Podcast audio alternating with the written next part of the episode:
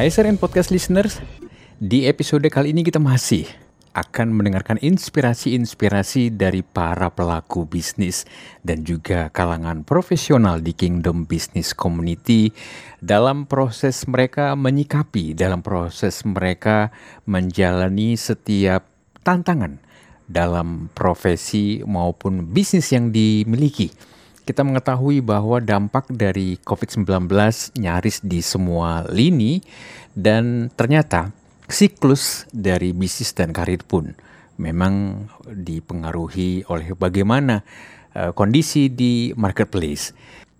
Dan kita akan mendengarkan sharing dari beberapa rekan di Biskom DTS Jakarta yang akan berbagi pengalaman mereka dalam bagaimana menyikapi tantangan dan peluang bisnis dan karir selama masa pandemi yang sudah berlangsung hampir dua tahun. Narasumber kita di episode kali ini adalah Hendra Wijaya, seorang pengusaha outsourcing dan juga renovasi. Dan yang kedua, Ferdianto Sumbaji, seorang profesional junior project manager. Dan kemudian juga Ropin, seorang pengusaha makanan dan packaging. Mereka akan berbagi untuk kita semua dan harapan kami ini dapat menginspirasi Anda semua, khususnya untuk Anda para pebisnis dan juga Anda kaum profesional. Yang pasti ada hal-hal yang bisa dipelajari. Nah, untuk di sesi pertama kita akan mendengarkan bagaimana sebenarnya kondisi objektif yang dialami oleh rekan-rekan kita. Apa yang terjadi dengan bisnis mereka? Apa yang terjadi dengan karir mereka? Dan kemudian bagaimana kondisi objektif itu kemudian membuat mereka menyadari keberadaan mereka. Bagaimana mereka kemudian memandang bisnis dan karir mereka dari perspektif yang tepat. Kita dengarkan bersama.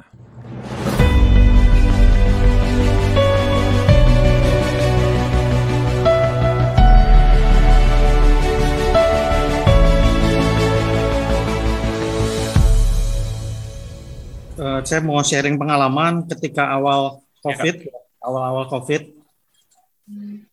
Jadi kalau kita itu kan project semua based on project kayak misalnya clean service, project konstruksi, renovasi, ada projectnya semua mereka. Ada beberapa project yang kita di cancel karena COVID kan, karena waktu itu sudah ada PSBB ya waktu itu. Tapi ada juga project yang mau mau bagaimana harus tetap lanjut waktu itu. Nah waktu itu memang cukup kacau waktu itu. Awal-awal itu sangat kacau. Flow-nya berantakan. Anak buah juga kacau balau semua. Nah, tapi kita bagaimanapun kan tetap harus jalan, tetap harus maju. Kita briefing sama anak buah juga. Ya, pekerjaan udah di depan mata, harus kita kerjakan bagaimanapun juga. Jadi waktu itu tahun 2020 itu saya kebetulan dapat proyeknya di luar daerah, di Aceh, di Papua, dan di Surabaya. Ada di Magelang juga, ada empat pekerjaan di daerah lo lagi ppkm hmm. lagi nggak boleh ke mana-mana lagi takut covid mau ngomong kan harus tetap jalan begitu ya kita briefing bareng-bareng hmm. sama anak buah ya kita satukan visi begitu. Saya juga udah paitin ini kemungkinan kita gaji juga bakal terlambat karena cash flow-nya berantakan semua.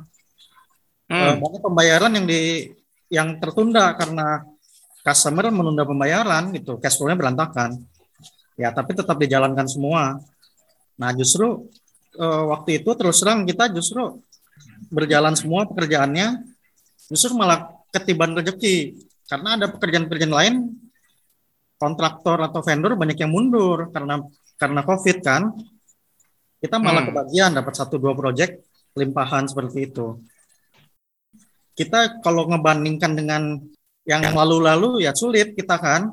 Yang penting dia bisa berjalan. Anak buah misalnya kita gaji bisa gaji lancar baik pekerjaan selesai juga sudah bagus, semua sehat, semua baik-baik saja. Bagi kita itu udah wah hmm. udah luar biasa lah, udah udah berterima kasih sama Tuhan. Kalau dari uh, sudut pandang saya pribadi gitu sebagai profesional yang bekerja tadi sempat di-share di uh, eh, AJPT Sentral Asia Raya itu uh, Bapak Ibu teman-teman sebagai informasi itu adalah perusahaan asuransi yang apa masuk hmm. dalam uh, kriteria esensial. Jadi apa uh, saya termasuk dalam pekerja esensial yang apa uh, di diminta oleh perusahaan untuk uh, tetap masuk bahkan di saat-saat ppkm ini. Tapi saya coba flashback dikit. Uh, awal-awal hmm. di tahun 2020 uh, ketika waktu itu kalau nggak salah di bulan Maret atau April di mana pandemi ini mulai uh, keadaannya itu memburuk awal-awal sempat ngerasa kaget sih kaget bahwa uh, ada ada perubahan-perubahan pola kerja terus perubahan-perubahan apa uh, kriteria absensi yang dialami oleh uh, seluruh karyawan perusahaan kita. Karena seperti yang tadi uh, Bro Hendra juga sempat share bahwa sebagai perusahaan asuransi sama bisnis dan project mesti tetap jalan uh, di tengah uh, kenaikan kasus pandemi di mana apa klien-klien uh, terus uh, melakukan klaim gitu kan ya kita mesti tetap bisa make sure bahwa uh, kita bisa melayani dan uh, memberikan klaim yang baik gitu terhadap klien kita. Nah, di tengah uh, keadaan seperti itu, terus di tengah ketidakpastian uh, dari absensi dan apa segala peraturan pemerintah, benar-benar terasa kaget, uh, rasanya takut terlebih lagi ketika hmm. apa semakin uh, ke sini gitu kan, terutama ketika sebulan dua bulan lalu di mana apa uh, kasusnya hmm. itu semakin meninggi ada ada perasaan yeah. khawatir sekali sih bahwa apa orang eh, orang-orang terdekat gitu ada rekan-rekan kerja yang mengalami tapi di sisi lain uh, apa ya tetap tetap ada rasa tanggung jawab itu gitu loh. Keinginan untuk bisa apa uh, memberikan pekerjaan yang excellent gitu di tempat kerja membantu orang-orang yang membutuhkan jasa asuransi kita itu di sisi lain juga jadi semangat gitu loh bahwa wah mesti mesti masuk nih, mesti mesti bekerja yang baik gitu. Karena saya juga ngelihat impactnya juga bahwa ketika saya bisa bekerja dengan baik menghadapi semua ketakutan dan kekhawatiran itu ya saya bisa hmm. melayani secara tidak langsung ya orang-orang yang membutuhkan jasa asuransi dari perusahaan saya kira-kira seperti itu sih yang dirasakan sih uh, dari awal dulu nih dari tahun kemarin itu uh, dari usaha saya ini saya ada uh, bergerak di bidang peralatan rumah tangga dan uh, makanan nih suplai makanan raw material. Nah untuk yang uh, peralatan rumah tangga mungkin tahun kemarin itu uh, parah deh parah banget sampai uh, saya mesti menutup usaha gitu pak. Hmm. Usaha saya itu uh, jadi tutup bulan Mei 2020 karena mungkin udah nggak tahan juga sih soalnya kita uh, nombok terus mungkin gimana lagi ya? Uh, maksudnya emang udah nggak ada cadangan lagi mau bagaimana lagi? Sedangkan kalau kita hmm. waktu tahun kemarin itu para-paranya tuh pas kita contoh kita kirim uh, barang nih keluar kota. Keluar kota juga semua pada pandemi gitu kan, ke Surabaya, ke uh, Semarang dan sebagainya gitu. Dan ada beberapa customer itu yang memang kita udah kirim, mereka nggak bisa bayar nih, sampai ada yang mungkin sampai setengah tahun, bahkan ada yang enam tujuh bulan kita bayar. Kita kan nggak bisa muter juga tuh uangnya tuh, Pak. Nah itu mau ya. nggak yeah. mau akhirnya kita ambil keputusan kita tutup aja usaha ini gitu pak. Jadi kita konsentrasi ke usaha kita yang satu lagi yang bergerak di bidang makanan gitu pak. Puji syukurnya kayak gini pas kita tutup kita konsentrasi di makanan ini pas tahun ini mungkin kita ada beberapa proyek-proyek yang lumayan lumayan sih menurut kita omsetnya gitu pak. Jadi kita bisa kerjasama sama Grab, contoh Grab Map-nya kita uh, supply supply ke Grab Map-nya kita dapat beberapa proyek yang hmm. seperti kayak begitu sih pak gitu nah ya, itu ya. mungkin uh, rencana Tuhan juga sih soalnya memang dari tahun sebelum kita pandemi itu peralatan rumah tangga itu memang menurut saya sih itu hanya berjalan doang karena kita memang pengen itu berjalan tapi udah tidak menguntungkan gitu pak jadi jadi pas tahun kemarin itu memang kita terpaksa untuk tutup karena memang udah nggak bisa tahan lagi sih sebenarnya gitu. Hmm. Asuransi sih sebenarnya sama seperti Bro Fedri, uh, asuransi ini mening uh, meningkat sih Pak kalau tahun kemarin sih. Kalau soalnya apa? Tahun kemarin itu kan pandemi, jadi orang soalnya kan memang um, membutuhkan rumah sakit kan. Nah itu sebenarnya uh, di grup kita memang ada peningkatan penjualan sih dari tahun uh, tahun kemarin sama tahun ini kita ada penjualan uh, peningkatan Pak gitu.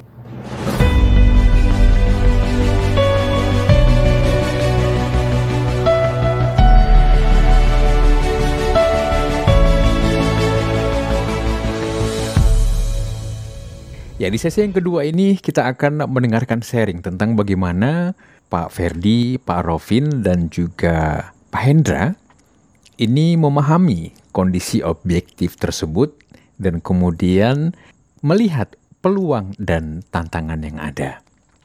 Kita akan mengetahui juga faktor-faktor apa yang akan memengaruhi mereka berani mengambil keputusan akan sebuah peluang dan bagaimana sikap hati atau perspektif mereka menyikapi tantangan yang ada di bisnis dan karir yang mereka geluti.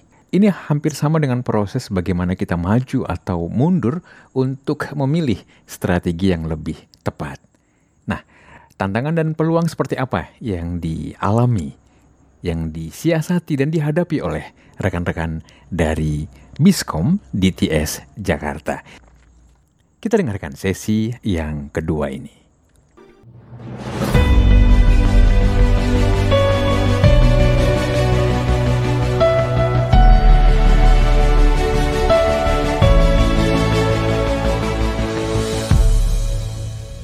Jadi kalau hmm. kita kan tetap uh, harus hasil hasil kualitas pekerjaan harus diperhatikan untuk kontraktor ya.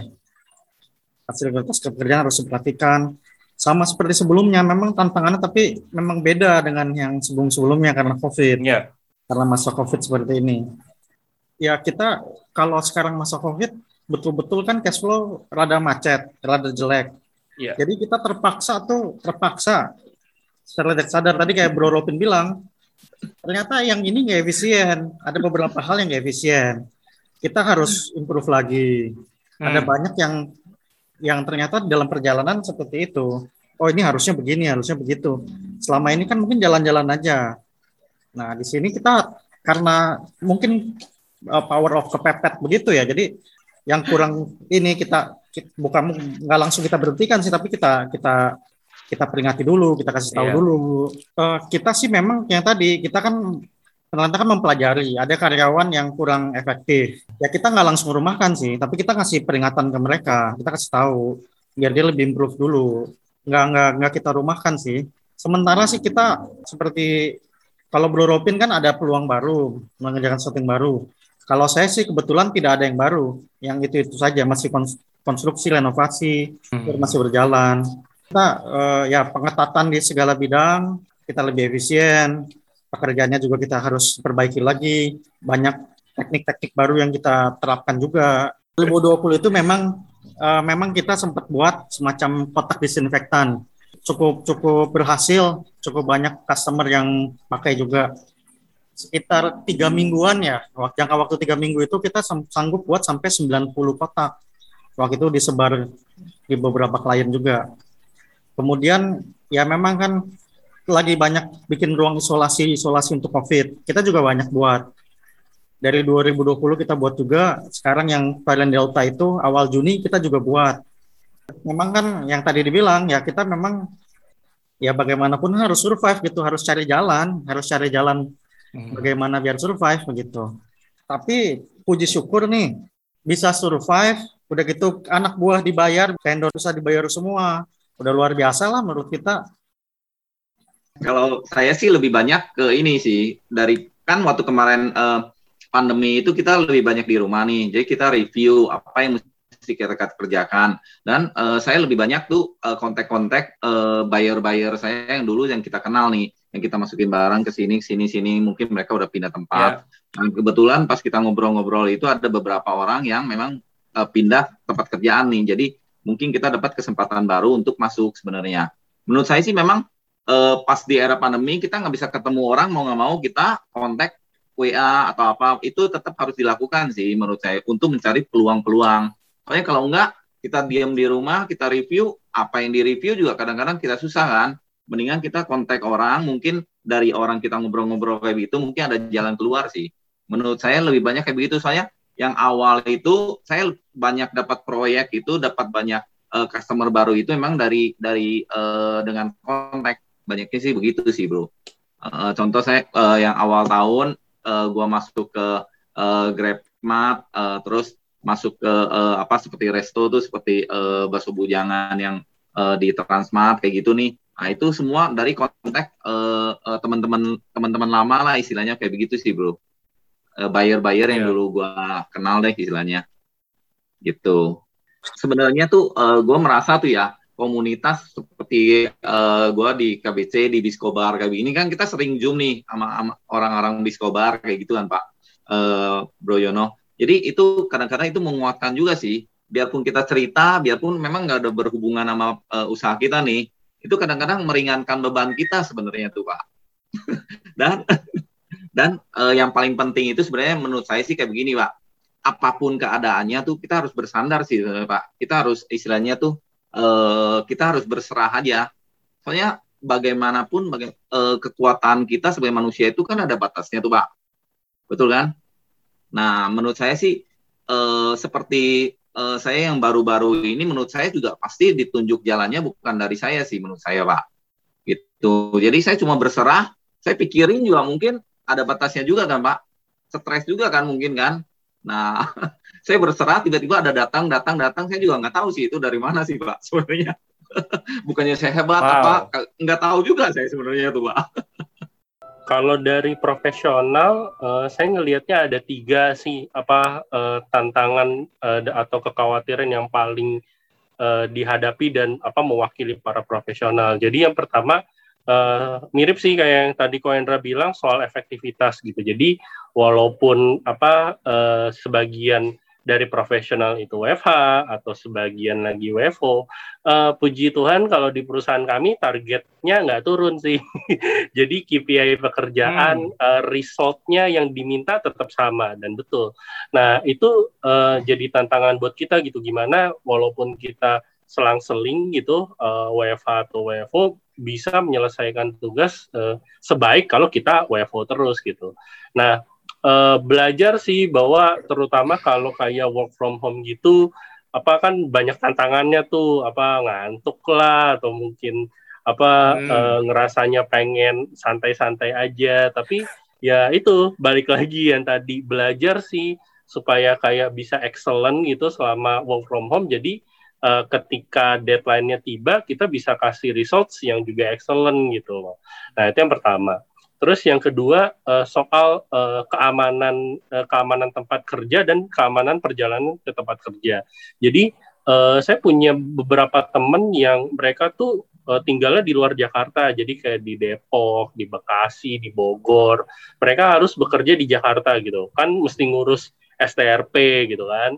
Terus juga uh, mesti naik angkutan umum kayak kereta atau mungkin kayak bus gitu. Terus di kantor pun uh, begitu sampai kantor uh, ada kekhawatiran juga bagaimana apakah lingkungan kantor itu aman gitu.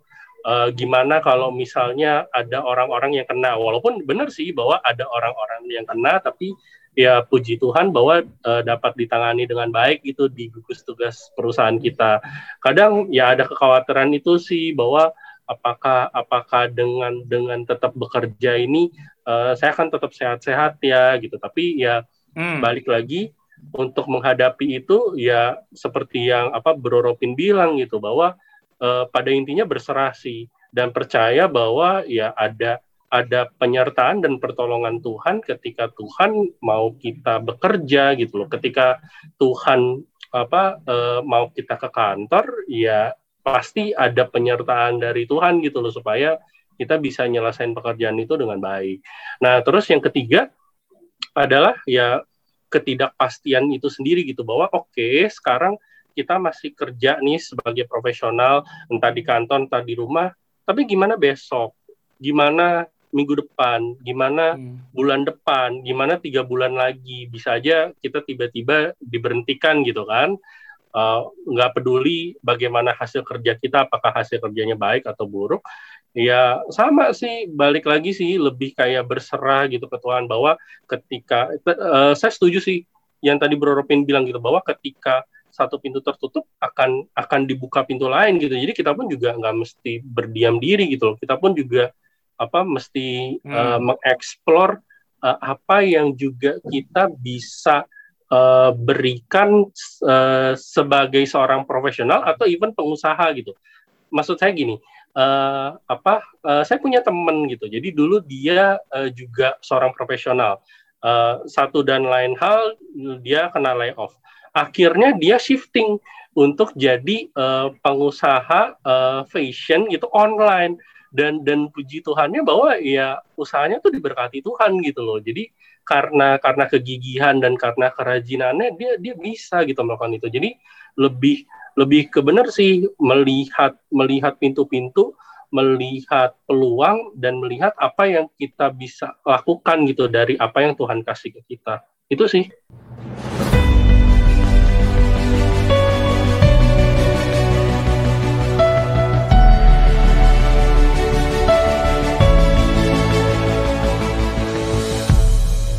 Ya, Riser and Podcast Listeners di mana pun Anda berada, tentunya tantangan tidak selalu bisa dihadapi dengan cara yang sama. Dan peluang juga tidak selalu bisa kita dapatkan dengan kondisi yang sama.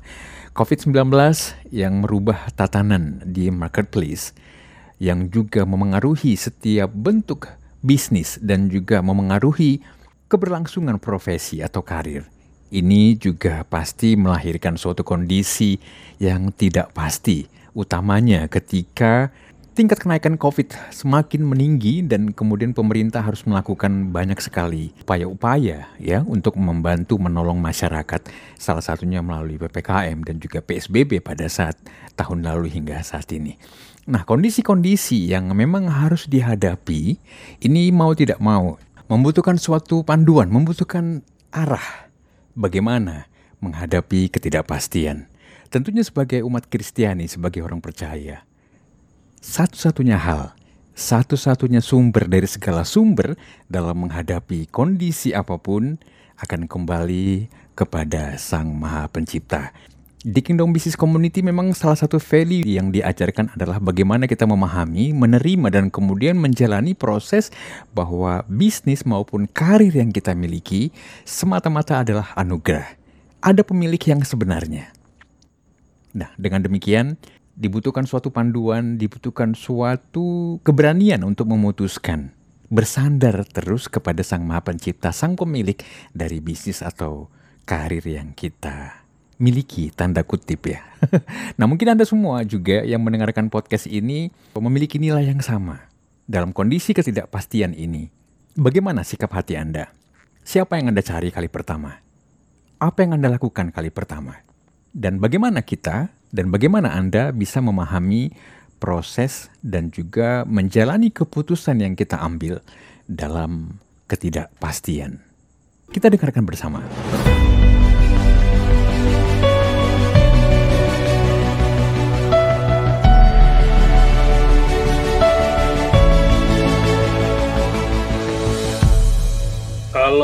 Dari saya ketika apa uh, utamanya gitu paling ngerasa sih pas pas malam ya sebelum tidur ya bahwa kekhawatiran itu tetap ada gitu. Ya seperti yang tadi saya ceritain. Terus juga apa selama pandemi ini juga uh, saya mengalami bahwa beberapa teman beberapa uh, keluarga dan kerabat uh, dipanggil Tuhan gitu loh apa selama pandemi ini. Nah, ketika lagi ngerasa apa uh, nggak enak gitu, lagi ngerasa uh, apa uh, kekhawatiran itu melanda atau ngerasa nggak nyaman itu uh, ayat-ayat yang jadi pegangan saya itu ada di Mazmur 121. Um, Mas, ini cuman di mana Mazmur 21 ya? Mazmur 121 mungkin bisa ditampilkan kalau okay. ada. Boleh. Iya, iya. Bentar ya, saya share ya. Oh, ada. Oke. Okay. Iya, iya. Nah, uh, izinkan saya buat apa share ini untuk uh, Bapak Ibu teman-teman. Semoga memberkati. Mazmur 121 ayat 1 sampai 8. 8 ayat aja kok banyak. Nyanyian ziarah. Aku melayangkan mataku ke gunung-gunung. Dari manakah akan datang pertolonganku? Pertolonganku ialah dari Tuhan yang menjadikan langit dan bumi. Ia takkan membiarkan kakimu goyah, penjagamu tidak akan terlelap. Sesungguhnya tidak akan terlelap dan tidak tertidur penjaga Israel. Tuhanlah penjagamu, Tuhanlah naunganmu di sebelah tangan kanan. Matahari tidak menyakiti engkau pada waktu siang, atau bulan pada waktu malam. Tuhan akan menjaga engkau terhadap segala kecelakaan.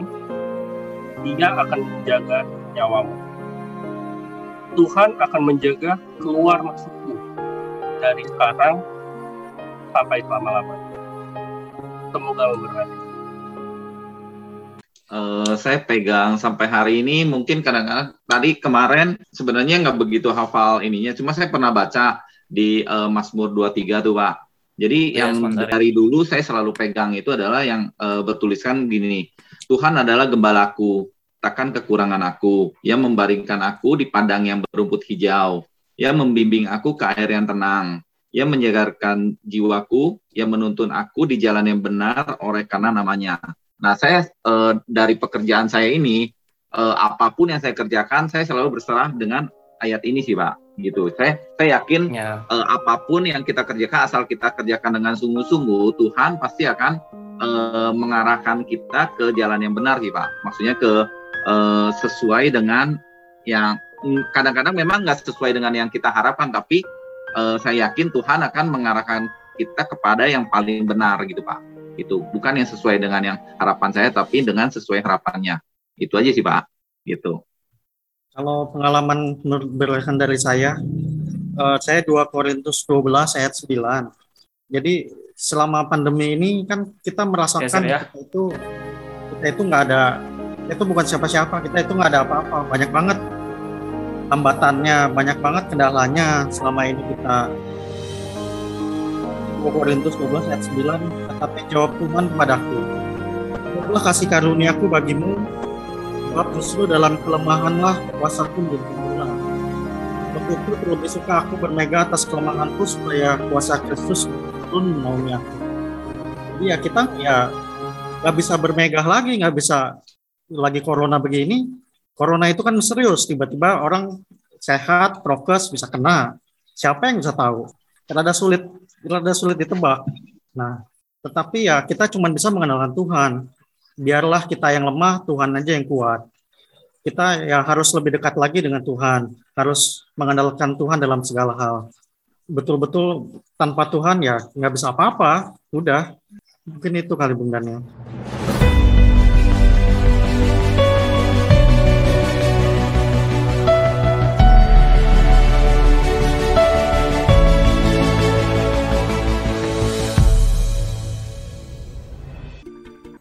Ya, Rise Rain Podcast listeners di mana pun Anda berada, Anda para pebisnis atau Anda kalangan profesional, pasti punya pengalaman-pengalaman yang berbeda. Kita tidak mungkin atau tidak bisa menjalani segala hal yang telah terjadi dalam kondisi force major seperti sekarang. Kita tidak bisa menyalahkan siapa pun dan tidak bisa juga menyalahkan diri sendiri karena pada akhirnya kita akan ada dalam kondisi di mana kita harus berani menghadapi, menyiasati setiap tantangan yang ada. Bahkan tadi kita sudah dengarkan bagaimana peran dalam kondisi pandemi COVID-19 ini pun kita harus menyadari bahwa kita tetap punya peran sosial, kita tetap punya peran untuk berpikir, beraksi gitu ya, untuk peduli kepada sesama kepada karyawan, kalau kita pebisnis, kepada rekan kerja, ataupun kepada lingkungan kita di mana kita berada. Nah, di sesi yang terakhir ini kita akan mendengarkan optimisme, sikap hati, dan bisa dikatakan ini pesan-pesan optimisme yang dibagikan oleh rekan-rekan DTS dan juga Biskom di KBC Jakarta.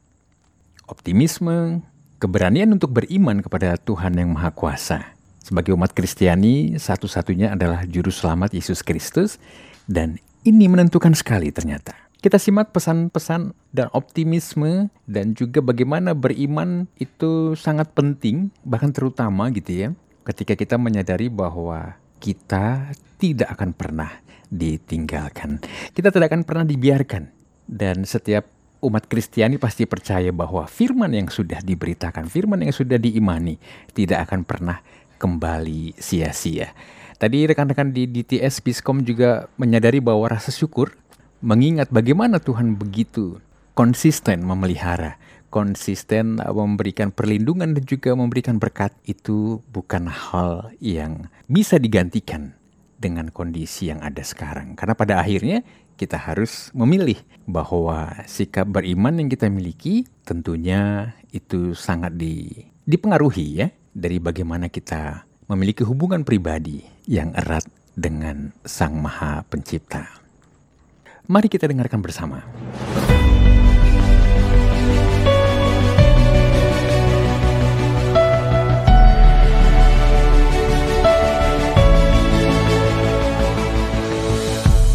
Kalau dari saya yang saya pelajari secara pribadi dan mungkin saya bisa share adalah pesannya sesimpel bahwa ya kita masih punya Tuhan sih.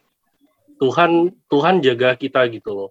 Maksudnya uh, entah kita sekarang ada dalam kondisi sehat, entah mungkin sekarang mungkin kita juga sedang uh, mengalami gejala COVID atau sedang apa mengalami COVID atau mungkin kita kehilangan uh, orang-orang yang mungkin uh, terdekat atau yang kita kasihi, ya yang bisa saya pelajari adalah uh, kalau kita bisa ada saat ini sekarang sebagaimana adanya kita itu itu karena Tuhan jaga sih. Ketika ketika kita uh, saya belajar gitu maksudnya kayak ke, uh, seperti saya kehidupan profesional gitu.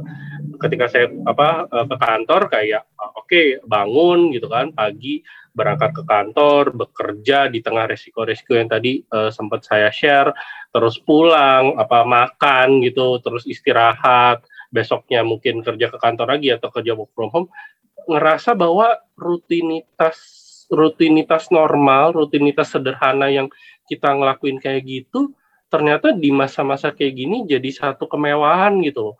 Maksudnya ketika ketika banyak teman-teman saya yang mungkin sedang mencari tabung oksigen, yang waktu itu juga sedang mencari rumah sakit gitu loh. Itu uh, ketika kita bisa untuk melaksanakan kehidupan kita sehari-hari dengan baik itu itu adalah satu satu berkat Tuhan dan kemewahan yang luar biasa gitu loh dan itu itu yep. itu seharusnya apa membuat kita untuk lebih bersyukur gitu ke Tuhan.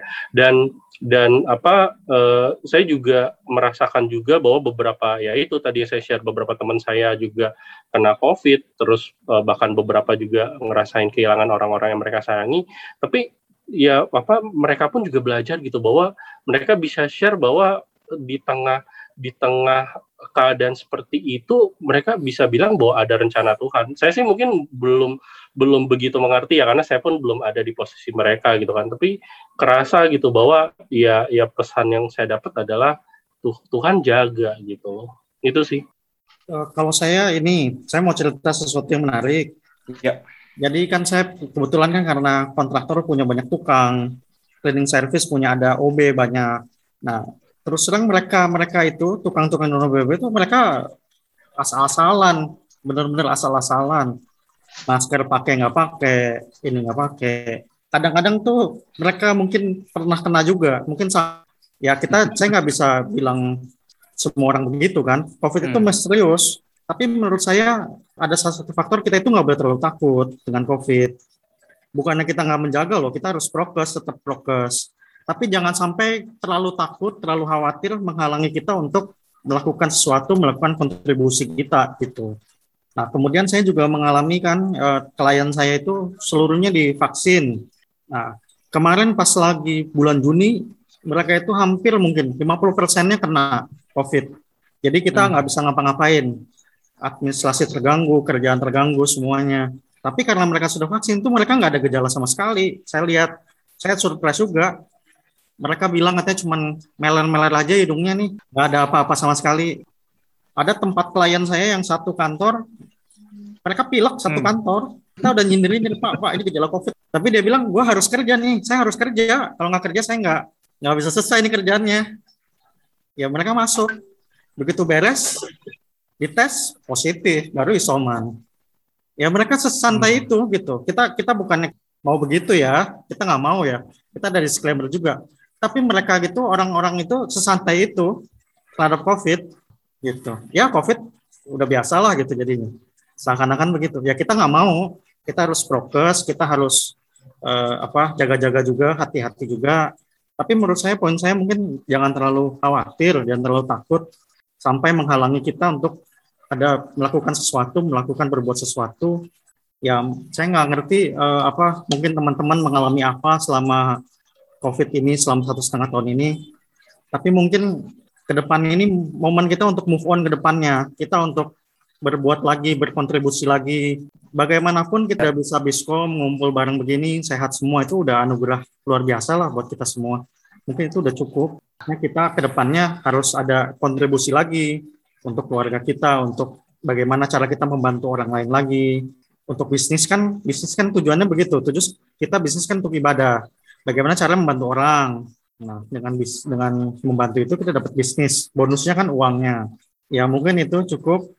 Gua, gua juga pengalaman hampir sama sih bro sebenarnya. Ada beberapa karyawan gua juga di gudang kayak gitu tuh, sama supir gua ada berapa tuh. Uh, beberapa orang gua lihat tuh, gua dapat info dari orang kantor gua, katanya itu pak mereka tuh ada yang sesak napas loh kayak begitu.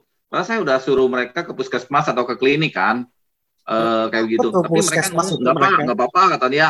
Saya cuma masuk angin doang, saya krik, besoknya sembuh kata dia. Hmm. Sama tuh kejadiannya bro. Kan mereka sakit itu mereka. Saya punya, uh, menurut saya sih kalau pesan pesan saya sih kayak begini. Dengan kejadian ini mungkin Tuhan tuh sebenarnya kalau buat saya sendiri nih, saya selama ini kan mungkin diutamakan mungkin yang utama itu mungkin pekerjaan. Selama ini mungkin kalau saya uh, jarang kumpul sama keluarga, mungkin malam doang kita ketemu ataupun uh, jarang terlalu banyak bercanda. Nah mungkin dengan COVID ini gue nggak begitu banyak uh, ke kantor atau apa, lebih banyak ke keluarga. Mungkin Tuhan menginginkan saya mungkin lebih dekat ke keluarga. Soalnya mungkin dengan COVID ini gue tiap hari bisa jalan pagi dengan istri saya, bisa ngobrol-ngobrol, bisa olahraga, bisa sehat menurut saya itu satu anugerah sih menurut saya yang nggak mungkin nggak bisa dibeli dengan uang kan ya bro kan nah dan mungkin dengan anak-anak uh, di rumah kita bisa ngobrol kita bisa uh, jadi kita juga dekat keluarga. Menurut gua sih mungkin sisi positifnya kayak begitu. Jadi kita jangan cuman pikirin oh ya uh, bisnis kita tuh lagi turun. Menurut saya sih bagaimanapun juga Tuhan akan jaga kita sih. Sampai saya yang tutup aja Tuhan kasih jalan yang uh, buka jalan baru lagi asal kita mau berusaha. Menurut saya sih kayak gitu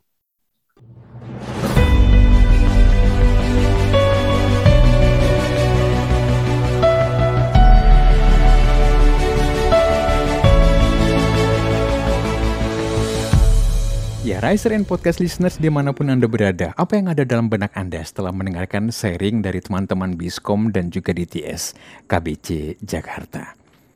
Ketika memahami kondisi objektif bisnis dan karir, kemudian juga memahami peluang sekaligus tantangan pergumulan yang ada, kemudian bagaimana sikap hati atau keputusan yang diambil dalam ketidakpastian, dan terakhir bagaimana keberanian kita untuk beriman kepada Sang Maha Pencipta Sebelum kita berakhir dari sesi ini, saya punya pertanyaan satu hal kepada kita semua. Sudahkah kita mengambil keputusan hari ini untuk percaya bahwa bersama Tuhan, bersama orang-orang yang kita kasihi, bersama orang-orang yang memang begitu mengasihi kita, kita dapat menghadapi semua. Karena motivasi yang benar, tujuan yang benar dalam menghadapi setiap krisis, menghadapi setiap Tantangan utamanya di masa COVID-19 saat ini sangat menentukan sekali. Kami berharap setiap Anda yang mendengarkan memiliki optimisme, memiliki semangat, dan juga tetap jaga protokol kesehatan dan tetap peduli kepada sesama yang membutuhkan.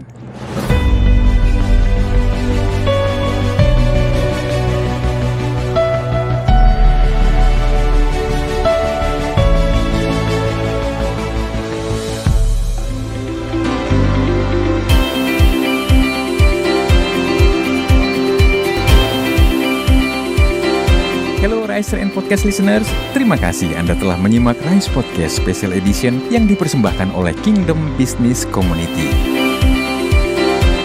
Harapan kami setiap episode Rise Podcast dapat menginspirasi Anda untuk terus mengalami transformasi dalam melakukan bisnis dan profesi Anda untuk tujuan yang mulia, membangun bisnis melalui manusia dan membangun manusia melalui bisnis.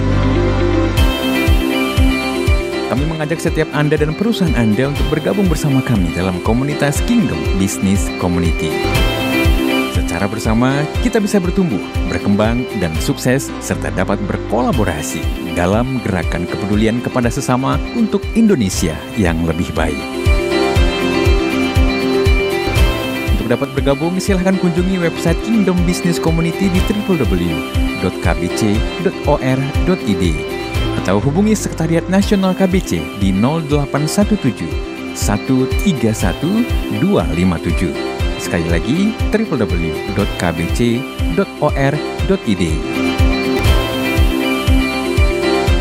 Rise Podcast Kingdom Business Community. We podcast with heart. Sampai jumpa.